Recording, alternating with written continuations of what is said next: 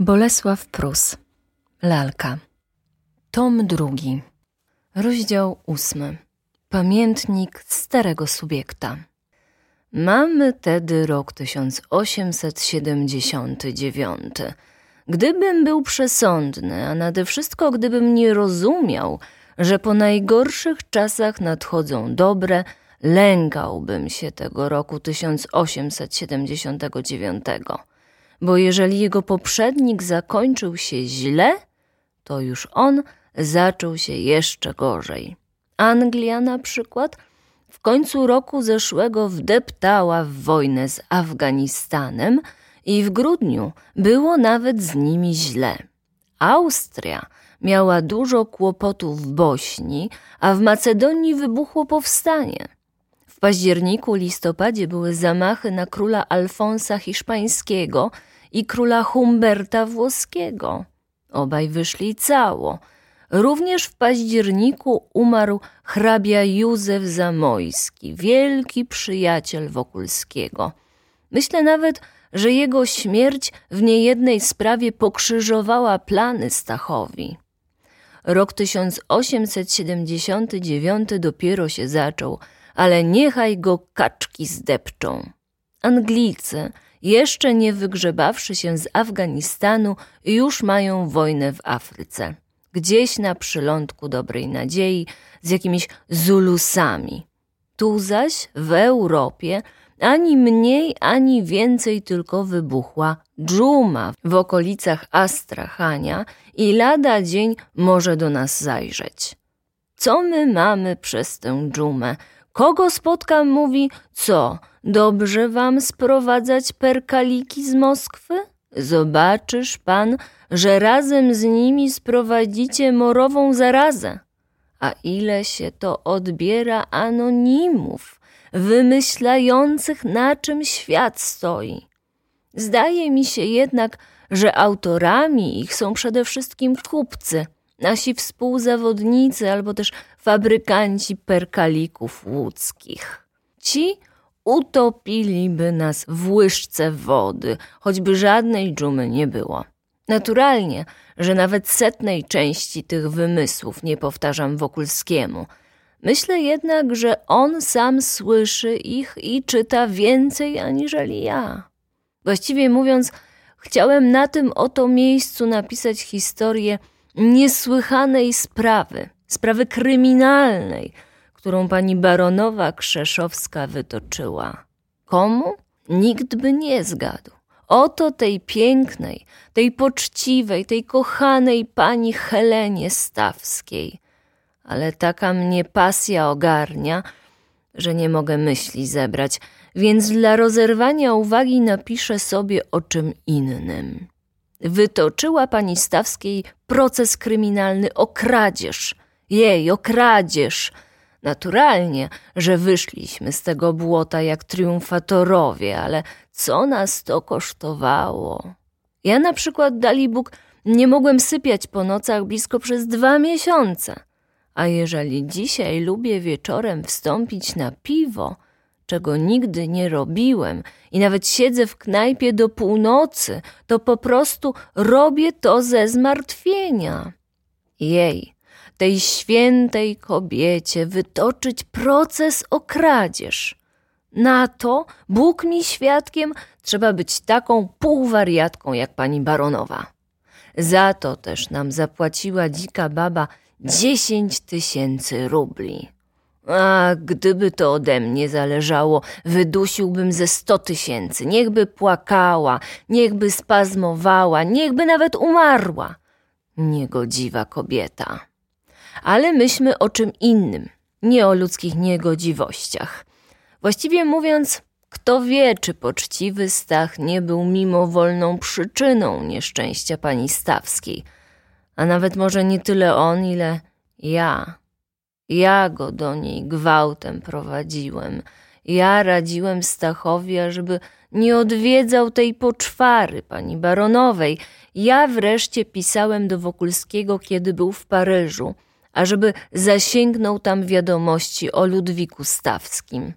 Krótko mówiąc, ja, nikt inny, tylko ja rozdrażniłem tę jędzę krzeszowską. Odpokutowałem też przez dwa miesiące. Ha, trudno. Panie Boże, jeżeli jesteś, zbaw pomimo to duszę moją, jeżeli ją mam, jak mówił pewien żołnierz z czasów rewolucji francuskiej.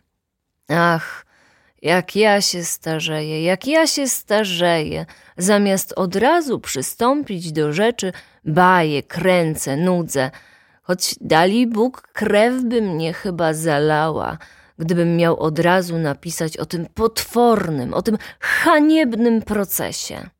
Zaraz, niech zbiorę myśli.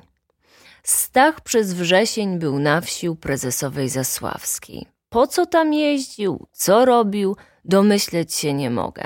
Ale z paru listów, które do mnie napisał, widzę, że musiało mu się dziać nieosobliwie. Jaki diabeł sprowadził tam pannę Izabelę Łęcką? Ech, przecież nią się już chyba nie zajmuję. I będę chłystkiem, jeżeli go nie wyswatam z panią Stawską. Wyswatam, odprowadzę ich do ołtarza, dopilnuję, żeby przysiągł jak się należy, a potem może sobie w łeb palnę, czy ja wiem. Stary głupcze, i tobież to myśleć o takim aniele. Zresztą ja o niej wcale nie myślę, osobliwie od czasu, kiedy przekonałem się, że ona kocha Wokulskiego. Niechże go sobie kocha, byle oboje byli szczęśliwi, a ja? Ej, kac, mój stary przyjacielu, miałżebyś być odważniejszy ode mnie? W listopadzie, właśnie w tym samym dniu, kiedy zawalił się dom na ulicy Wspólnej, Wokulski wrócił z Moskwy. I znowu nie wiem, co tam robił. Dość, że zarobił około 70 tysięcy rubli. Takie zyski przechodzą moje pojęcie, ale przysięgnę, że interes, do którego Stach należał, musiał być uczciwy. Parę dni po jego powrocie przychodzi do mnie jeden solidny kupiec i mówi: Kochany panie Rzecki, nie mam zwyczaju mieszać się do cudzych spraw, ale ostrzeż pana Wokulskiego nie ode mnie, tylko od siebie, że ten jego wspólnik Suzin to wielki hultaj i zapewne niedługo zbankrutuje. Ostrzeż go pan, bo szkoda człowieka. Zawsze Wokulski, jakkolwiek wszedł na fałszywą drogę, zasługuje na współczucie. Co pan nazywasz fałszywą drogą? pytam. No już ci, panie Rzecki, mówi on, kto jeździ do Paryża, kupuje okręty w czasie nieporozumień z Anglią i tak dalej, ten, panie Rzecki, nie odznacza się obywatelskimi cnotami. Panie drogi, ja mówię, a czymże kupno okrętów różni się od kupna chmielu? Chyba większym zarobkiem. No, mówi znowu on, panie Rzecki, nie będziemy rozprawiali o tej materii. Gdyby to zrobił kto inny, nie miałbym nic przeciw temu, ale Wokulski Obaj przecie znamy jego przeszłość, a ja może lepiej niż pan, bo nieraz świętej pamięci Hopfer robił u mnie przez niego obstalunki. Pan, mówię do owego kupca, rzucasz podejrzenia na Wokulskiego? Nie, panie, mówi znowu on. Ja tylko powtarzam, co gada całe miasto. Nie myślę bynajmniej szkodzić Wokulskiemu, osobliwie w opinii pana, który jesteś jego przyjacielem i słusznie, byś patrzył na tego człowieka, kiedy był inny niż dziś, ale przyznaj pan, że ten człowiek szkodzi naszemu przemysłowi. Nie sądzę również jego patriotyzmu, panie Rzecki, ale szczerze panu powiem, bo przecie wobec pana muszę być szczery, że te perkaliki moskiewskie, rozumie pan? Byłem wściekły, gdyż jakkolwiek jestem eksporucznikiem węgierskiej piechoty, nie mogę jednak pojąć, czym perkaliki niemieckie są lepsze od moskiewskich. Ale z moim kupcem nie było gawędy. W taki sposób bestia podniósł brwi, tak ruszał ramionami, a tak rozkładał ręce, iż w końcu pomyślałem, że on jest wielki patriota jak gałgan.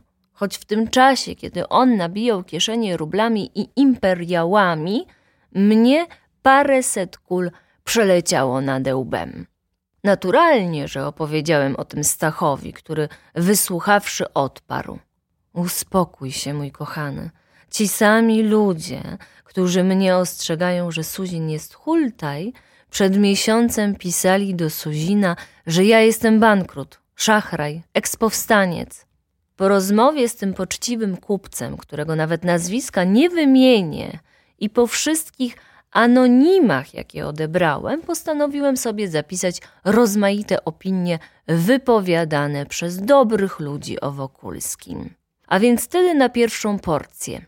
Stach jest złym patriotą, ponieważ tanimi perkalikami zepsuł trochę interesa łódzkim fabrykantom. Bene. Zobaczymy, co będzie dalej październiku, jakoś w tym czasie, kiedy Matejko skończył malować bitwę grunwaldzką, duży obraz i okazały, i to nie trzeba go pokazywać żołnierzom, którzy przyjmowali udział w bitwach.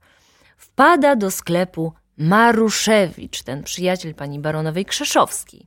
Widzę magnat całą gębą. Na brzuchu, a raczej w tym samym miejscu, gdzie ludzie mają brzuch, złota dewiska gruba na pół palca, a długa – że choć psy na niej ciągni. W krawacie brylantowa spinka, na rękach nowe rękawiczki, na nogach nowe buty, na całym ciele, mizerne to ciało, pożal się Boże, nowy garnitur. Przy tym mina, jakby jednej nitki nie miał na kredyt, tylko wszystko za gotówkę. Później Klein, który mieszka w tym samym domu, objaśnił mnie, że Maruszewicz grywa w karty i że od pewnego czasu szczęście mu służy. Pada tedy mój elegant do sklepu w kapeluszu na głowie, z hebanową laseczką w ręku i rozejrzawszy się niespokojnie, on, bo ma jakieś niepewne spojrzenie, pyta. Pan Wokulski jest? Ach, pan Rzecki, na słówko. Weszliśmy za szafę. Z wyborną nowiną przychodzę mówił czule ściskając mnie za rękę.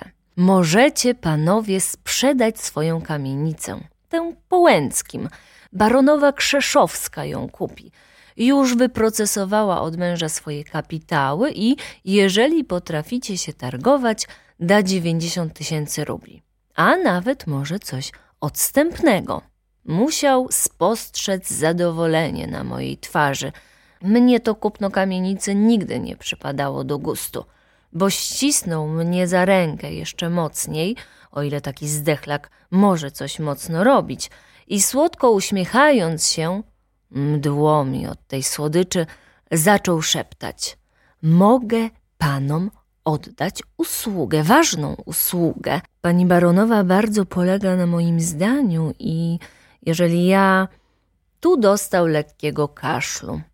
Rozumiem, odezwałem się, zgadując, z kim mam do czynienia. Pan Wokulski zapewne nie będzie robił trudności co do porękawicznego.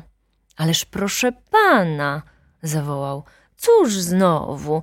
Tym bardziej, że ze stanowczą propozycją przyjdzie do panów adwokat baronowej. Zresztą nie o mnie chodzi. To, co mam, zupełnie mi wystarcza. A znam pewną ubogą rodzinę, której na moją rekomendację panowie zechcecie coś. Proszę pana, przerwałem mu. Wolimy założyć jakąś sumę wprost na pańskie ręce, o ile naturalnie interes dojdzie do skutku. O, że dojdzie, mogę ręczyć honorem, zapewnił pan Maruszewicz. Ponieważ jednak ja wcale nie dałem mu słowa, że otrzyma porękawiczne, więc chwilę pokręcił się po sklepie i opuścił go gwiżdżąc. Nad wieczorem powiedziałem o tym Stachowi, ale on zbył mnie milczeniem, co mnie nawet zastanowiło. Więc na drugi dzień pobiegłem do naszego adwokata, który zarazem jest adwokatem księcia, i zakomunikowałem mu wiadomość Maruszewicza. Daje dziewięćdziesiąt tysięcy rubli zdziwił się adwokat. Jest to bardzo znakomity człowiek. Ależ Drogi panie Rzecki, teraz kamienice idą w górę, a nawet na przyszły rok wybudują ze dwieście nowych domów. W tych warunkach, drogi panie Rzecki, jeżeli sprzedamy im nasz dom za sto tysięcy rubli, zrobimy im łaskę. Pani baronowa bardzo pali się do tej kamienicy. Jeżeli podobnego wrażenia wolno używać o damach tak dystyngowanych, i możemy wyciągnąć z niej nierównie większą sumę, drogi panie Rzecki. Pożegnałem znakomitego adwokata i wróciłem do sklepu, mocno postanawiając nie mieszać się już do sprzedaży kamienicy. Teraz dopiero zresztą nie po raz pierwszy przyszło mi na myśl, że Maruszewicz jest to wielki frant. Obecnie, uspokoiwszy się o tyle, że już mogę zebrać myśli, opiszę wstrętny proces pani baronowej z tym aniołem, z tą doskonałą kobietą, panią Stawską. Gdybym go nie opisał, za rok albo dwa nie wierzyłbym własnej pamięci, że mogło zdarzyć się coś równie potwornego. Zapamiętaj, że sobie tedy, kochany Ignacy, że pani baronowa Krzeszowska naprzód od dawna nie cierpiała pani Stawskiej, myśląc, że wszyscy w niej się kochają, a po drugie, że taż pani baronowa chciała jak najtaniej kupić od Wokulskiego kamienicę. To są dwa ważne fakta, których doniosłość dziś dopiero rozumiem. Jak ja się starzeję, Boże miłosierny, jak ja się starzeję. U pani Stawskiej od czasu zaznajomienia się z nią bywałem dość często. Nie powiem co dzień, czasami raz na kilka dni, czasami i dwa razy w ciągu dnia. Byłem przecie opiekunem tej kamienicy, to jedno. Dalej musiałem donieść pani Stawskiej, żem pisał do Wokulskiego w sprawie odnalezienia jej męża. Dalej wypadło mi być u niej z zawiadomieniem, że Wokulski nie dowiedział się nic stanowczego. Potem odwiedzałem ją, ażeby z okien jej mieszkania poznać obyczaje Maruszewicza, który lokował się w oficynie naprzeciw niej. Następnie chodziło mi o zbadanie pani Krzeszowskiej i jej stosunku do mieszkających nad nią studentów, na których ciągle się skarżyła. Ktoś obcy mógłby myśleć, że bywam u pani Stawskiej za często. Ja jednak po dojrzałej rozwadze doszedłem do przekonania, żem bywał za rzadko – w jej mieszkaniu miałem przecie doskonały punkt obserwacyjny na całą kamienicę. No i przy tym byłem życzliwie przyjmowany. Pani Misiewiczowa, zacna matka pani Heleny, ile razy przyszedłem, witała mnie otwartymi rękoma. Mała Helunia wskakiwała mi na kolana, sama pani Stawska ożywiała się na mój widok i mówiła, że w tych godzinach, które u niej przepędzam, zapomina o swoich kłopotach. Czy wobec podobnych przyjęć mogłem nie bywać często? Dali Bóg, myślę, że bywałem za rzadko i że gdybym miał więcej rycerskich usposobień, powinienem był tam siedzieć od rana do wieczora. Niechby się nawet pani Stawska ubierała przy mnie. Cóż by mi to szkodziło? Czasie tych wizyt zrobiłem kilka ważnych spostrzeżeń. Naprzód ci studenci z trzeciego piętra od frontu byli to istotnie ludzie niespokojnego ducha.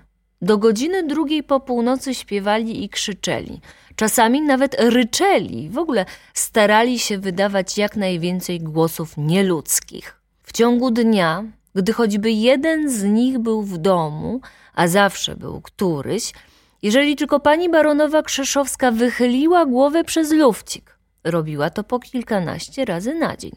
Zawsze jej ktoś usiłował wylać z góry wodę na głowę.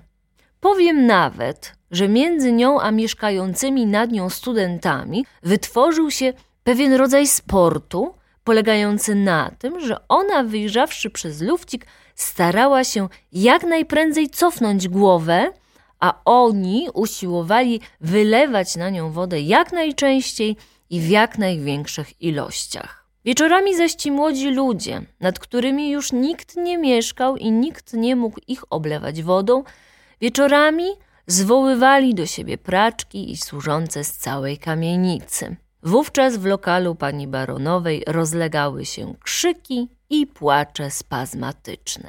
Drugie moje spostrzeżenie odnosiło się do Maruszewicza, który mieszkał prawie vis-a-vis pani Stawskiej. Człowiek ten prowadził bardzo osobliwy tryb życia, cechujący się niezwykłą regularnością. Regularnie nie płaci komornego. Regularnie co parę tygodni wynoszą mu mnóstwo gratów z mieszkania. Jakieś posągi, lustra, dywany, zegary. Ale co ciekawsze, również regularnie do lokalu przynoszą mu nowe lustra, nowe dywany, nowe zegary i posągi. Po każdym fakcie wynoszenia rzeczy pan Maruszewicz przez kilka następnych dni ukazuje się w jednym ze swych okien. Goli się w nim, czesze, fiksatuaruje, nawet ubiera się, rzucając bardzo dwuznaczne spojrzenia w kierunku okien pani Stawskiej. Lecz gdy jego lokal napełni się nowymi artykułami wygody i zbytku, wówczas pan Maruszewicz zasłania swoje okna na kilka dni sztorami. Wtedy rzecz nie do uwierzenia. Palą się u niego dniem i nocą światła, a w mieszkaniu słychać głosy wielu mężczyzn, czasami nawet i kobiet. Ale co mi tam do cudzych interesów? Jednego dnia, w początkach listopada, rzekł do mnie Stach. Podobno bywasz u tej pani Stawskiej. Gorąco mi się zrobiło. Przepraszam cię, zawołałem. Jak to mam rozumieć? W najzwyczajniejszy sposób, odparł. Przecież chyba nie składasz jej wizyt oknem, tylko drzwiami. Zresztą składaj sobie jak chcesz, a przy pierwszej sposobności oświadcz tym paniom, że miałem list z Paryża. O Ludwiku Stawskim? spytałem. Tak. Że znaleźli go nareszcie? Jeszcze nie, ale już są na tropie i spodziewają się niedługo rozstrzygnąć kwestię jego pobytu. Może biedak umarł? zawołałem, ściskając Wokulskiego. Proszę cię, Stachu, dodałem nieco ochłonąwszy ze wzruszenia. Zróbże mi łaskę, odwiedź te panie i sam zakomunikuj im wiadomość. A cóż to ja jestem grabarz, ażeby robić ludziom tego rodzaju przyjemności? Oburzył się Wokulski. Gdy mu jednak zacząłem przedstawiać, jakie to zacne kobiety, jak wypytywały się, czy ich kiedy nie odwiedzi, a gdy jeszcze napomknąłem, że warto by rzucić okiem na kamienicę, zaczął mięknąć. Mało dbam o tę kamienicę, rzekł, wzruszając ramionami. Sprzedam ją lada dzień. Ale w końcu dał się namówić i pojechaliśmy tam około pierwszej w południe. Na podwórzu spostrzegłem, że sztory w lokalu Maruszewicza są starannie zasłonięte. Widocznie miał już nowy garnitur mebli. Stach niedbale rozejrzał się po oknach domu i bez najmniejszej uwagi słuchał mego sprawozdania o melioracjach. Daliśmy nową podłogę w bramie, wyreperowaliśmy dachy, odmalowaliśmy ściany, myliśmy schody co tydzień. Słowem, z zaniedbanej zrobiliśmy wcale okazałą kamienicę. Wszystko było w porządku, nie wyłączając dziedzińca i wodociągów. Wszystko oprócz komornego. Zresztą, zakończyłem, bliższych informacji o komornem udzieli ci twój rządca, pan Wirski, po którego zaraz poszlę stróża. A dajże mi spokój z komornem i rządcą, mruknął Stach. Idźmy już do tej pani Stawskiej i wracajmy do sklepu. Weszliśmy na pierwsze piętro lewej oficyny, gdzie czuć było zapach gotowanych kalafiorów. Stach zmarszczył się, a ja zapukałem do kuchni. Są panie? zapytałem grubej kucharki. Jeszcze by też nie były, jak pan przychodzi, odpowiedziałam mrużąc oczy. Widzisz, jak nas przyjmują? szepnąłem po niemiecku do Stacha. W odpowiedzi kiwnął głową i wysunął wargę. W saloniku matka pani Stawskiej jak zwykle robiła pończochę. Zobaczywszy nas, uniosła się nieco w fotelu i zdziwiona przypatrywała się Wokulskiemu. Z drugiego pokoju wyjrzała Helcia. Mamo, szepnęła tak głośno, że zapewne słychać ją było na dziedzińcu. Przyszedł pan Rzecki i jeszcze jakiś pan. W tej chwili wyszła do nas i pani Stawska. Widząc obie damy, odezwałem się. Nasz gospodarz, pan Wokulski, przychodzi złożyć paniom uszanowanie i zakomunikować wiadomości. O Ludwiczku? pochwyciła pani Misiewiczowa. Czy żyje? Pani Stawska pobladła, a potem równie szybko zarumieniła się. Była w tej chwili tak piękna, że nawet Wokulski przypatrywał się jej, jeżeli nie z zachwytem, to przynajmniej z życzliwością. Jestem pewny, że z miejsca zakochałby się w niej, gdyby nie ten podły zapach kalafiorów zalatujący z kuchni. Siedliśmy. Wokulski zapytał panie, czy są zadowolone z lokalu, a następnie opowiedział im, że Ludwik Stawski był przed dwoma laty w New Yorku, a następnie przeniósł się do Londynu pod przybranym nazwiskiem. Napomknął z lekka, że Stawski był wówczas chory i że za parę tygodni spodziewa się o nim stanowczych wiadomości. Słuchając tego, pani Misiewiczowa kilka razy odwołała się do pomocy chustki. Pani Stawska była spokojniejsza, tylko parę łez stoczyło się po jej twarzy. Aby ukryć wzruszenie, zwróciła się z uśmiechem do córeczki i rzekła półgłosem: Podziękuj, Heluniu, panu, że nam przyniósł wiadomość o tatce. Znowu łzy jej błysnęły, ale opanowała się. Tymczasem Helunia zrobiła dyk przed Wokulskim, a następnie przypatrzywszy mu się wielkimi oczyma, nagle schwyciła go za szyję i ucałowała w same usta. Nieprędko zapomnę zmian, jakim uległa fizjognomia Stacha wobec tak niespodziewanych pieszczot. Ponieważ o ile wiem, jeszcze nigdy nie pocałowało go żadne dziecko, więc w pierwszej chwili cofnął się zdziwiony, potem objął Helunię za ramiona, wpatrywał się z nią ze wzruszeniem i pocałował w głowę. Byłbym przysiągł, że wstanie z krzesła i powie w pani Stawskiej: Pozwól pani, ażebym zastąpił ojca tej kochanej dziecinie. Ale nie powiedział tego. Spuścił głowę i wpadł w zwykłą sobie zadumę. Dałbym połowę mojej rocznej pensji, ażeby dowiedzieć się, o czym on wtedy myślał. Może o pannie Łęckiej? Ech, znowu starość wyłazi. Cóż panna Łęcka? Ani umywała się do Stawskiej. Po paru minutowym milczeniu Wokulski spytał. Zadowolone panie z sąsiadów? Jak z których? Odezwała się pani Misiewiczowa. Owszem, bardzo, wtrąciła pani Stawska. Przytem spojrzała na Wokulskiego i zarumieniła się.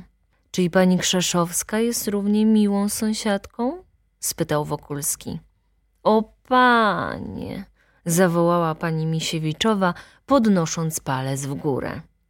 To nieszczęśliwa kobieta, przerwała pani Stawska. Straciła córkę. Mówiąc to, obracała w palcach rąbek chusteczki i spod swoich cudownych rzęs usiłowała patrzeć już ci nie na mnie. Ale powieki musiały jej ciężyć jak ołów, więc tylko rumieniła się coraz mocniej i stawała się coraz poważniejszą, jak gdyby ją który z nas obraził. A któż to jest ten pan Maruszewicz? Mówił dalej Wokulski, jakby nie myśląc nawet o obecnych damach. Letkiewicz, urwisz, prędko odpowiedziała pani Misiewiczowa. Ależ mateczko, to tylko oryginał, poprawiła ją córka. W tej chwili miała oczy tak wielkie i źrenice tak rozszerzone, jak chyba jeszcze nigdy. Bo ci studenci to podobno bardzo niesforni, rzekł Wokulski, patrząc na fortepian. Zwyczajnie młodzi, odparła pani Misiewiczowa i głośno utarła nos. Widzisz, Heluniu? Znowu odpina ci się kokardka rzekła pani Stawska, nachylając się do córeczki, może aby ukryć zakłopotanie na samą wzmiankę o niesfornościach studenckich. Znudził mnie już Wokulski swoją rozmową. Istotnie trzeba być albo półgłówkiem, albo źle wychowanym człowiekiem, ażeby tak piękną kobietę wypytywać o współlokatorów. Przestałem go też słuchać i machinalnie począłem wyglądać na podwórze. I oto, com zobaczył. W jednym z okien Maruszewicza uchyliła się roleta i przez szparę z boku można było dojrzeć, że ktoś patrzy w naszą stronę. Szpieguje nas ten poczciwiec, pomyślałem.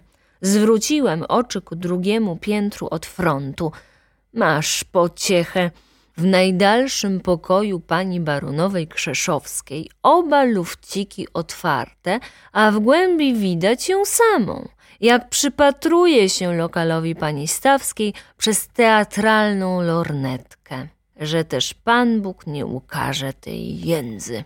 Rzekłem do siebie pewny, że z tego lornetkowania wyniknie kiedy skandal. Modliłem się nie na próżno. Kara boska już wisiała nad głową intrygantki w postaci śledzia, który wysuwał się z lufcika na trzecim piętrze. Śledzia owego trzymała jakaś tajemnicza ręka, odziana w granatowy rękaw ze srebrnym galonem. Spoza ręki zaś co kilka sekund wychylała się mizerna twarz ze złośliwym uśmiechem.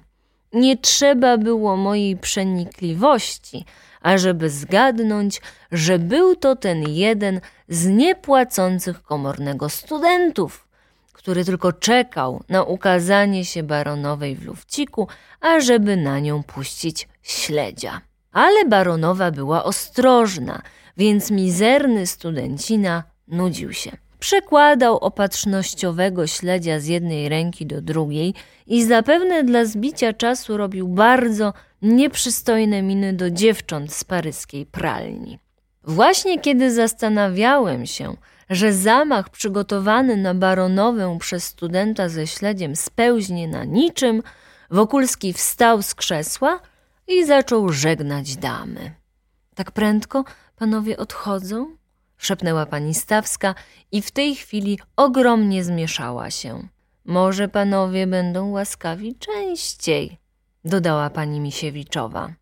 Ale Safanduła Stach, zamiast prosić panie, żeby pozwoliły mu bywać co dzień, albo nawet żeby go stołowały, co ja, niezawodnie powiedziałbym, będąc na jego miejscu, ten, ten dziwak zapytał, czy nie potrzebują jakich reparacji w mieszkaniu. O, już wszystko, co było potrzebne, zrobił poczciwy pan Rzecki, odparła pani Misiewiczowa, zwracając się do mnie z sympatycznym uśmiechem. Szczerze mówiąc, nawet nie lubię takich uśmiechów u osób w pewnym wieku. W kuchni Stach zatrzymał się sekundę, a że widać drażnił go zapach kalafiorów, więc rzekł do mnie – Trzeba by tu urządzić jakiś wentylator albo co.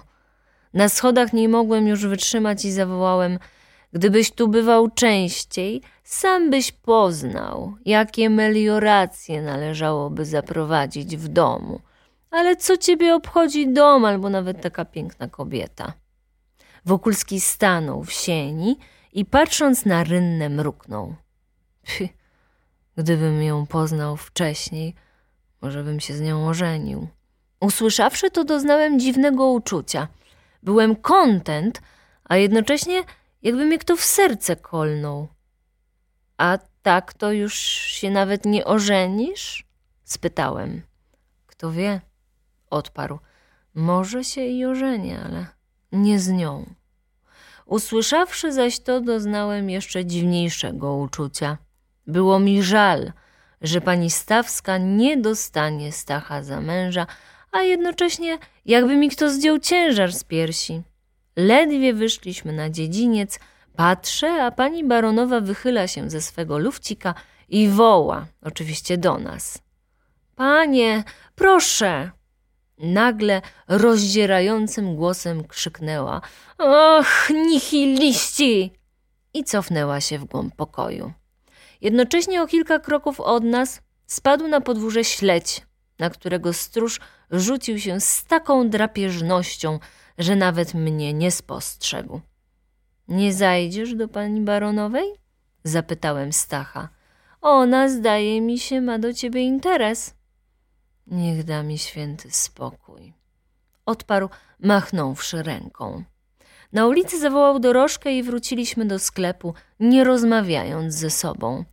Jestem jednak pewny, że myślał o pani Stawskiej, że gdyby nie te podłe kalafiory. Taki byłem nieswój, taki zmartwiony, że zamknąwszy sklep, poszedłem na piwo. Spotkałem tam radcę Węgrowicza, który wciąż psy wiesza na Wokulskim, ale miewa bardzo szczęśliwe pomysły polityczne. I kłóciliśmy się z nim do północy. Węgrowicz ma rację. Istotnie widać z gazet, że w Europie na coś się zanosi. Kto wie, czy po nowym roku mały Napoleonek, nazywają go Lulu, zrobi on wam Lulu, nie przeniesie się z Anglii do Francji. Prezydent MacMahon za nim, ksiądz Brugli za nim, w narodzie większość za nim. Może by się założyć, że zostanie cesarzem jako Napoleon IV, a na wiosnę zacznie taniec z Niemcami. Teraz przecie Niemcy nie pójdą do Paryża. Nie udaje się dwa razy ta sama sztuka. Otóż wtedy. Co ja chciałem powiedzieć? Aha, we trzy, może we cztery dni po naszej wizycie u pani Stawskiej przychodzi Stach do sklepu i podaje mi list, ale adresowany do niego. Przeczytaj, no, rzekł ze śmiechem. Otworzyłem.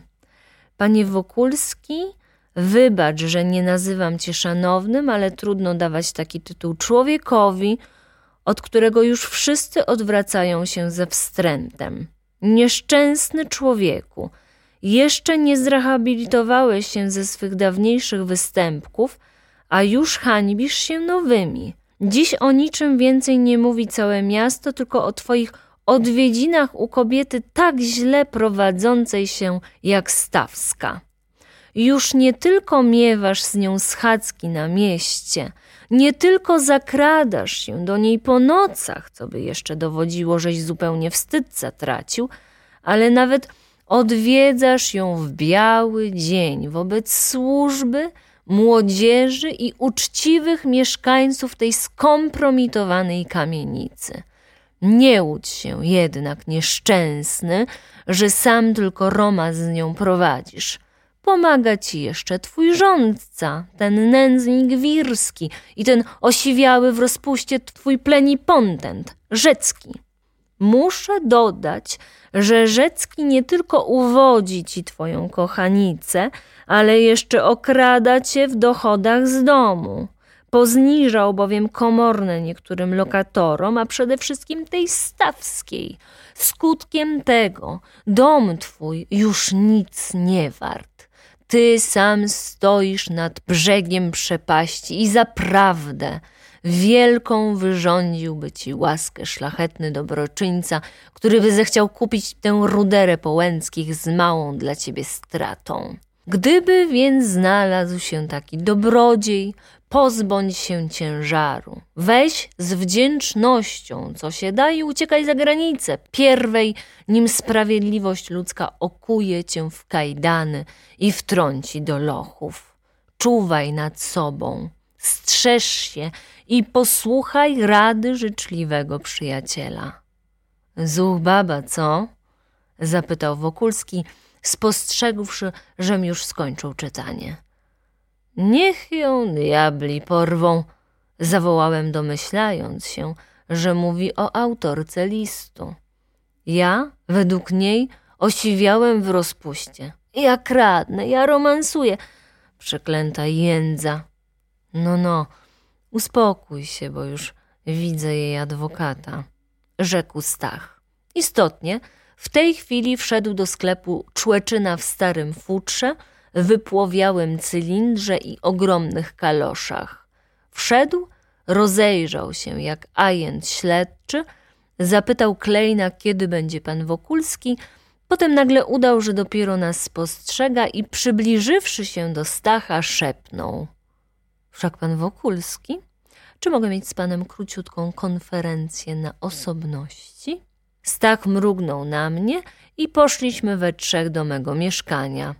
Gość rozebrał się, po czym zauważyłem, że jego spodnie są jeszcze bardziej wytarte, a zarost mocniej zjedzony przez mole niż futro. Prezentuje się panom? Rzekł, wyciągając do Wokulskiego prawą, a do mnie lewą rękę. Jestem adwokat. Tu wymienił nazwisko i Tak został z rękoma w powietrzu. Dziwnym bowiem trafem ani Stach, ani ja nie czuliśmy ochoty do uściskania go. Poznał to, ale nie zmieszał się. Owszem, z najlepszą miną zatarł ręce i rzekł, śmiejąc się. Panowie nawet nie pytają, jaki mnie tu interes sprowadza? Domyślamy się, że pan sam powiesz, odparł Wokulski. Racja, zawołał gość. Otóż mówię krótko, jest tu jeden bogaty, ale bardzo skąpy Litwin, Litwini są bardzo skąpi, który prosił mnie, ażebym mu nastręczył do nabycia jaką kamienicę. Mam ich z piętnaście, ale przez szacunek do pana, panie Wokulski, bo wiem, co pan robisz dla kraju, nastręczyłem mu pańską, tą po Łęckim i po dwutygodniowej pracy nad nim tylem zrobił, że gotów dać, zgadnijcie panowie, ile? Osiemdziesiąt tysięcy rubli. Co? Kokosowy interes, nieprawdaż?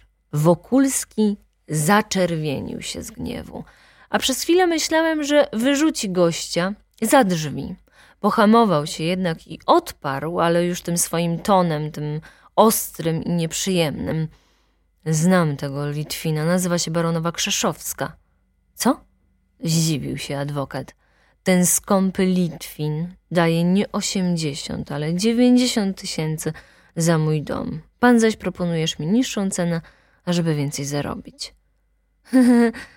Zaczął śmiać się adwokat. Któż by inaczej robił, szanowny panie Wokulski? Powiedz pan zatem swojemu Litwinowi, przerwał mu Stach, że sprzedam kamienicę, ale za sto tysięcy rubli. I to do nowego roku. Po nowym roku cenę podniosę. Ależ to jest nieludzkie, co pan mówi? Wybuchnął gość. Pan chce tej nieszczęśliwej kobiecie wydrzeć ostatni grosz. Co świat na to powie? Zastanów się pan. Co powie świat, o to nie dbam, rzekł Wokulski. A jeżeli zechce mnie moralizować, tak jak pan, pokażę mu drzwi. O, tam są drzwi. Widzisz pan, panie adwokacie? Daję panu dziewięćdziesiąt dwa tysiące rubli ani grosza więcej, odparł adwokat. Niech pan włoży futro, bo się pan zaziębi na dziedzińcu. Dziewięćdziesiąt pięć, wtrącił adwokat i szybko zaczął się ubierać. No, żegnam pana, rzekł Wokulski, otwierając drzwi. Adwokat nisko ukłonił się i wyszedł. Z zaproga zaś dodał słodkim tonem. To ja tu przyjdę za parę dni. Może szanowny pan będzie lepiej dysponowany. Stach zamknął mu drzwi przed nosem. Po wizycie obrzydliwego adwokata wiedziałem już, co myśleć. Pani baronowa z pewnością kupi kamienicę Stacha, ale pierwej użyje wszelkich środków, ażeby coś utargować. Znam te środki. Jednym z nich był ów list anonimowy, w którym szkaluje panią Stawską, a o mnie mówi, że osiwiałem w rozpuście. Skoro zaś kupi kamienicę, przede wszystkim wypędzi z niej studentów, a zapewne i biedną panią Helenę. Gdybyż choć na tym ograniczyła swoją nienawiść. Teraz już mogę opowiadać galopem wszystkie wypadki, które później nastąpiły. Otóż po wizycie tego adwokata tknęło mnie złe przeczucie. Postanowiłem dziś jeszcze odwiedzić panią Stawską i ostrzec ją, ażeby się miała na baczności przed baronową.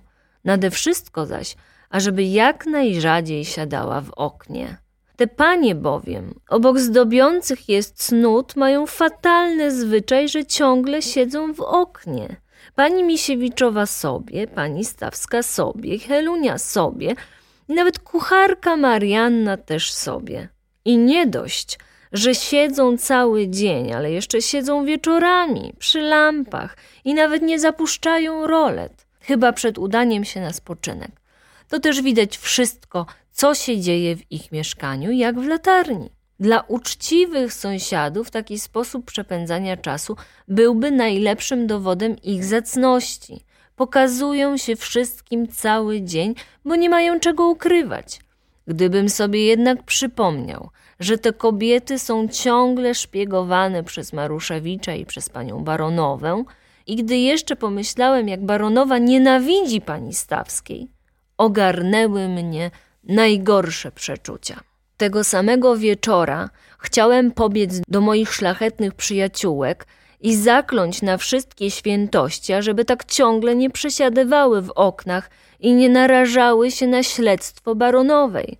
Tymczasem akurat o wpół do dziewiątej zachciało mi się pić i zamiast do pań poszedłem na kufelek.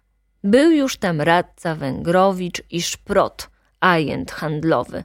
Właśnie mówili coś o tym domu, co zawalił się przy ulicy Wspólnej, kiedy naraz Węgrowicz trąca swoim kuflem w mój kufel i mówi Nie jeden się to jeszcze dom zawali przed nowym rokiem.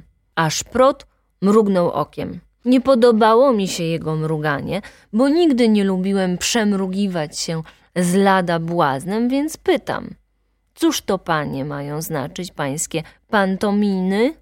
On śmieje się głupawo i mówi: Przecie pan wie lepiej aniżeli ja, co to znaczy. Wokulski sprzedaje sklep. Męko Chrystusowa. Żem go nie trzasnął kuflem w łeb, dziwię się samemu sobie. Na szczęście pohamowałem pierwszy impet. Wypiłem dwa kufle piwa jeden po drugim i pytam go, niby spokojnym głosem – po cóż by Wokulski miał sklep sprzedać i komu? Komu? Wtrąca Węgrowicz. Albo też mało Żydów w Warszawie? Złożą się we trzech, bodaj w dziesięciu i zaparszywią krakowskie przedmieście z łaski jaśnie wielmożnego pana Wokulskiego, co trzyma własny powóz i jeździ do arystokracji na letnie mieszkanie. Mój Boże, pamiętam, jak mi to biedactwo podawało rozbratelów Hopfera. Nie ma teraz jak jeździć na wojnę i rewidować tureckie kieszenie. Ale po co by sprzedawał sklep? Pytam, szczypiąc się w kolana, żeby nie wybuchnąć na tego dziada. Dobrze robi, że sprzedaje, odparł Węgrowicz, wziąwszy w garść już nie wiem który kufel piwa. Co on ma robić między kupcami? taki pan, taki dyplomata, taki nowator, co nam tu nowe towary sprowadza? Mnie się zdaje, że jest inny powód, wtrącił szprot. Wokulski stara się o pannę Łęcką, choć zrazu dostał kosza, jednak dziś znowu tam bywa, więc musi mieć widoki. A że panna Izabela nie wyszłaby za galanteryjnego kupca, choćby on był dyplomatą, innowatorem, w oczach zaczęły mi ognie latać. Uderzyłem kuflem w stół i krzyknąłem: Kłamiesz pan! Wszystko pan kłamiesz, panie szprot! A oto mój adres! Oddałem, rzucając mu bilet na stół. Co mi pan dajesz adresy? Odparł szprot. Mam panu przysłać partię kortu, czy co? Satysfakcji żądam od pana! krzyknąłem wciąż bijąc w stół. Terefere, mówi szprot i kręci palcem w powietrzu. Łatwo panu żądać satysfakcji, boś oficer węgierski. Zamordować człowieka albo nawet dwóch, czy samemu dać się porąbać, to u pana chleb z masłem. Ale ja, panie, jestem ajent handlowy, mam żonę, dzieci, terminowe interesa. Zmuszę pana do pojedynku. Co to zmuszę? Ciupasem mnie pan sprowadzisz, czy co? A jakbyś mi pan coś podobnego powiedział po trzeźwemu? To bym poszedł do cyrkułu i daliby panu pojedynek. Jesteś pan bez honoru, zawołałem. Teraz on zaczął bić w stół. Kto bez honoru? Komu pan to mówisz? Nie płacę weksli? Czy daję zły towar? Czym zbankrutował? Zobaczymy w sądzie, kto ma honor. Uspokójcie się, prosił radca Węgrowicz. Pojedynki to były w modzie dawniej, nie teraz. Podajcie sobie ręce. Wstałem od stołu zalanego piwem, zapłaciłem w bufecie i wyszedłem. Noga moja więcej nie postanie w tej podłej dziurze. Naturalnie, że po takim wzburzeniu nie mogłem już być u pani Stawskiej. Z początku myślałem nawet, że całą noc spać nie będę, alem jakoś zasnął. A gdy Stach przyszedł na drugi dzień do sklepu, zapytałem go – Wiesz, co mówią? Że sklep sprzedajesz. A choćbym sprzedawał, cóż by w tym było złego? Prawda? Cóż by w tym było złego? Że też mi taka prosta myśl nie przyszła do głowy. Ale bo widzisz, szepnąłem, mówią jeszcze, że żenisz się z panną Łęcką. Gdyby tak, więc i cóż, odparł. Już ci ma rację, cóż to Jemu nie wolno żenić się z kim by chciał, nawet z panią Stawską? że też nie zorientowałem się i bez potrzeby zrobiłem awanturę temu szprocinie. Naturalnie, ponieważ tego wieczora musiałem pójść nie tyle na piwo, ile żeby pogodzić się z niesłusznie obrażonym szprotem, więc znowu nie byłem u pani Stawskiej, nie ostrzegłem, ażeby nie siadała w oknie. Tak więc bez przykrości dowiedziałem się, że do Wokulskiego między kupcami wzrasta niechęć, że sklep nasz będzie sprzedany i że Stach żeni się z panną Łęcką. Mówię żeni się, bo on nie mając pod tym względem pewności nie wyraziłby się tak stanowczo, nawet przede mną. Dziś już na pewno wiem, za kim on tęsknił w Bułgarii, dla kogo zębami i pazurami zdobywał majątek. Ha, wola boska.